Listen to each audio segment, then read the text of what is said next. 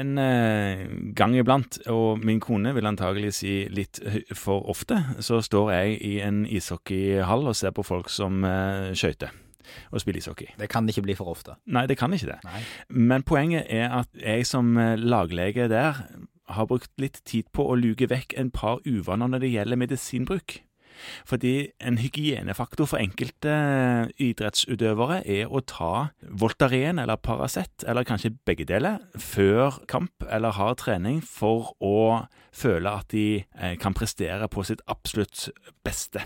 Er ikke det doping? Ingen av de står på dopinglisten, men det er rapporter som viser at Voltaren reduserer litt reaksjonsevne og funksjonsnivå på is. Så det er ugreit å ta, uansett. Ja. Og så tenker jeg du presser deg vel forbi noen sånn mekanismer som skal prøve å begrense litt hva du holder på med? Ja, Det er uansett ikke greit. Man skjønner på en måte det hvis man snakker litt om det.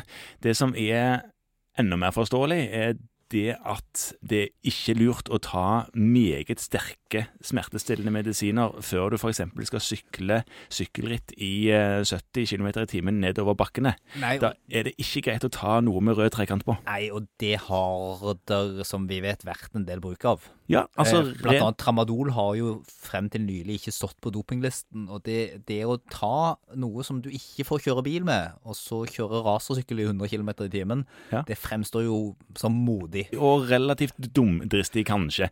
Men det, som du sier, den var ikke på dopinglisten eh, før, og enkelte eh, syklister tok dette her i relativt voksne doser før alle ritt. Ja, og Tramadol er et stoff som mange av oss kjenner som fastleger, fordi det er et biltopioid. Ja. Og vi bruker det ganske mye i forskjellige sammenhenger i behandling. Ja, akutte muskel-skjelettlidelser som ikke lar seg håndtere med vanlige C-preparater, f.eks. Sånn type lumbago, for at de skal kunne sove. Ja, den vanlige ryggsmerten, ikke sant? Ja, for eksempel. Eh, Og det er et B-preparat. Det er det. Og det medfører ofte at mange tenker at det er ikke så farlig. Ikke så farlig. Iallfall det er som Paralgin forte, bare et annet navn. Ja. Og sånn pedagogisk sett så tror jeg kanskje mange har et enda mindre problematisk forhold til den Palgin forte, fordi Palgin forte har vært der så lenge og skapt så mye problemer over tid at de fleste har opplevd et problem. Men har du noen som det har vært litt vanskelig å få av tramadol, kanskje? Ja, det er jo den store maren det, å gjerne overta en pasient fra en kollega som du finner ut bruker litt vel mye av litt forskjellige preparater, og så begynner en nedtrappingsplan. Ja.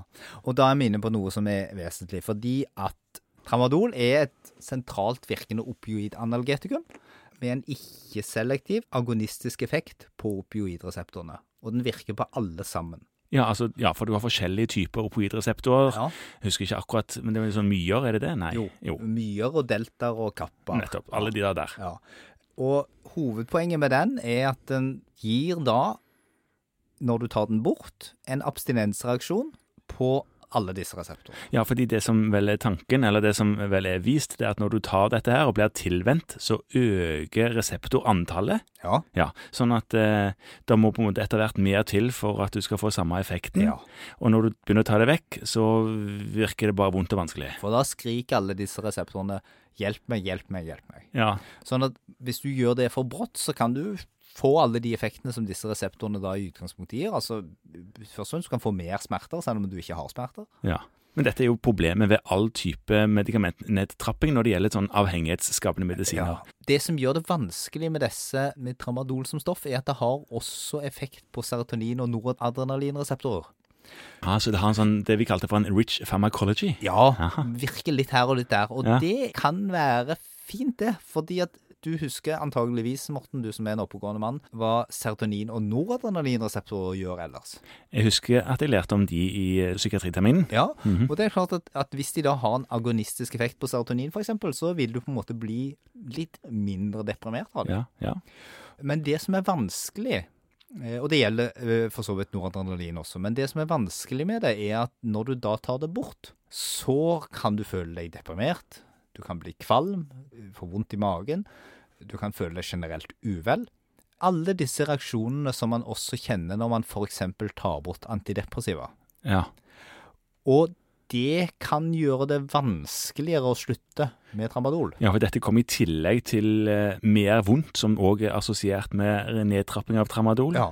Ja. Og da havner du i en sånn fryktelig vanskelig situasjon, for det som ofte er, er at pasienten vil da oppleve at de blir syke når de prøver å ta den bort, og argumenterer med at de trenger denne medisinen, ja.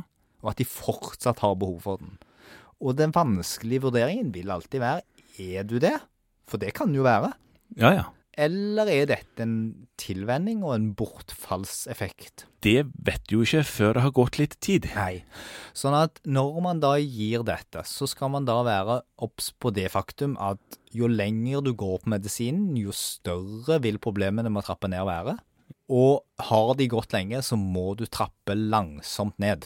Ja, hva, hva betyr egentlig langsomt? Ja, altså, jeg tror ikke det foreligger noen sånn eksakte studier på det, men, men vi kan jo se på det som vi kjenner litt til, og det er antidepressiva. Der må det gjerne gå tre til seks måneder nedstrapping for å gjøre det på en elegant og smidig måte. For enkelte av disse preparatene, Ja. iallfall. Mm. Og jeg tenker at hvis man har det litt sånn i bakhodet, at vi skal iallfall gå langsomt i starten, og så se at det går greit. Fordi at dette er pasienter som har brukt sånne medisiner lenge, og som har et slags avhengighetsproblem, vil ofte være sårbare. Og da er det veldig dårlig pedagogikk å starte med en katastrofe. Man bør heller starte med en suksess. Det første nedtrappingstrinnet må gå bra. Mm. Derfor kan det være lurt å gjøre det lite. Og så har du alltid en liten sånn tidsfaktor oppi dette her, med tanke på ja, hvis det er et førerkortproblem, f.eks. Klarer du det på et halvt år, eller klarer du det ikke? Ja, eh, et halvt år så bør det være mulig å få til ganske mye. Ja. Når det er jo tramadol sånn sett greit, sånn sett, fordi at eh, der, så lenge du har fast dose og depotformulering, så får du lov til å kjøre bil på det. Ja, det er sant. Hvis du ikke bruker for mye i tillegg. Men tramadol, altså, det har rich pharmacology, eller det som jeg òg lærte at det kunne hete dirty drug. Ja.